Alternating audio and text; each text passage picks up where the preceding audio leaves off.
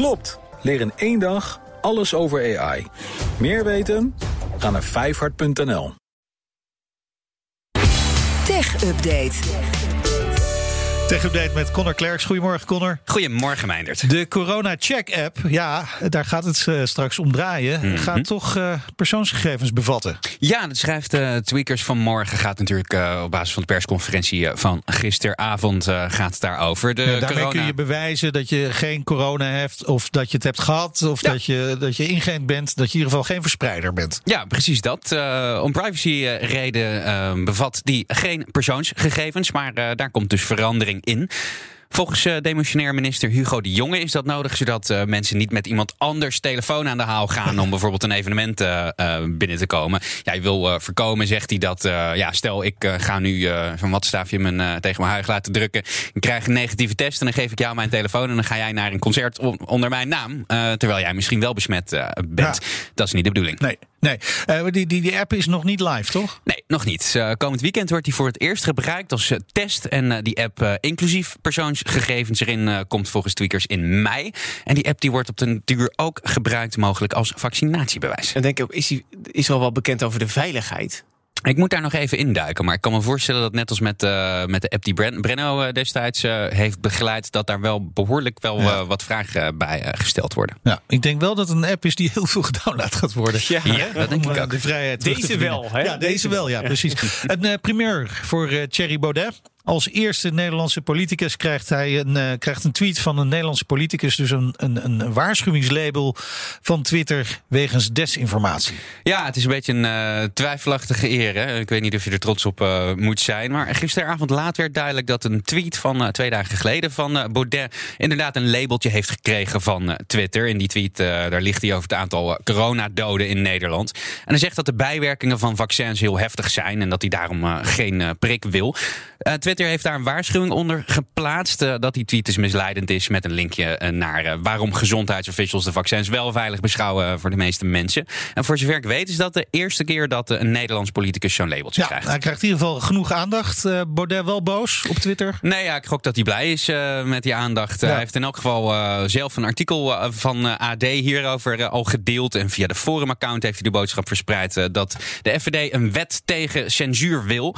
Dan kan je afvragen natuurlijk in hoeverre dit uh, censuur is, want wij hebben hem gewoon gelezen en we hebben het er niet over.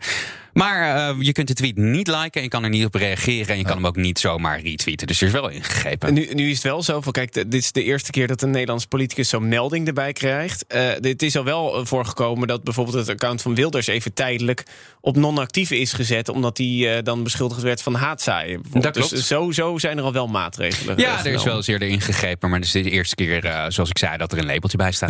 Ja, dan iets heel anders. Ja, ik ben even benieuwd of jullie weten wat dit is. I'm a guy who did something famous that you might have heard. It sounds a little like this.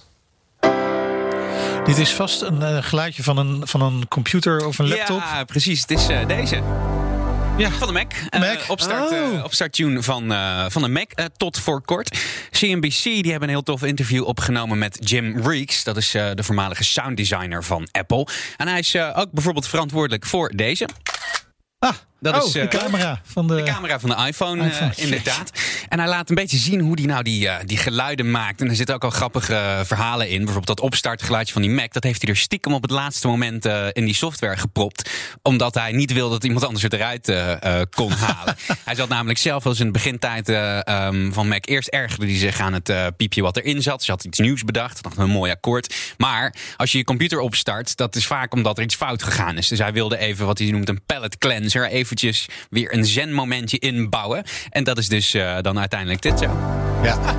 Even zo geworden. Het is, uh, maar het klinkt echt heel simpel. Het is gewoon op vijf toetsen van een piano ja, rammen, het toch? is gewoon een akkoord. Maar, ja, maar uh, sound engineering is ontzettend moeilijk en belangrijk. Ja, Mhm. mm -hmm. Dat weet je misschien niet, maar ook in de auto-industrie zitten heel veel sound engineers. En een van de allerbelangrijkste dingen is hoe een deur dichtklapt. Oh ja. Dat moet gewoon stevig genoeg klinken, maar ook weer niet te zwaar.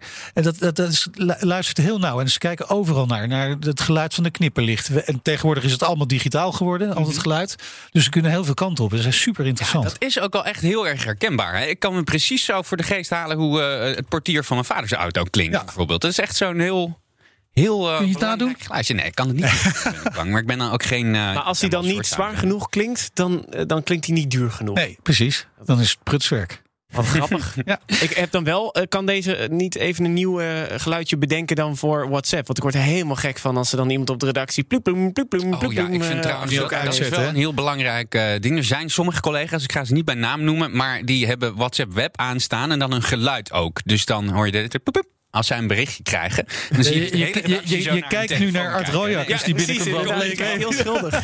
Ja, Art Royakkers is, eh, is onschuldig. eh, moet ik er even bij zetten. Anyway, Jim Reeks, dat interview is hartstikke leuk. Ik link er eh, zo even naar bnr.nl slash tech. Dankjewel, Connor. De BNR Tech Update wordt mede mogelijk gemaakt door Lenklen. Klopt. Vijfhart IT-opleidingen geeft jou een vliegende start met ChatGPT. Meer weten? Ga naar vijfhart.nl.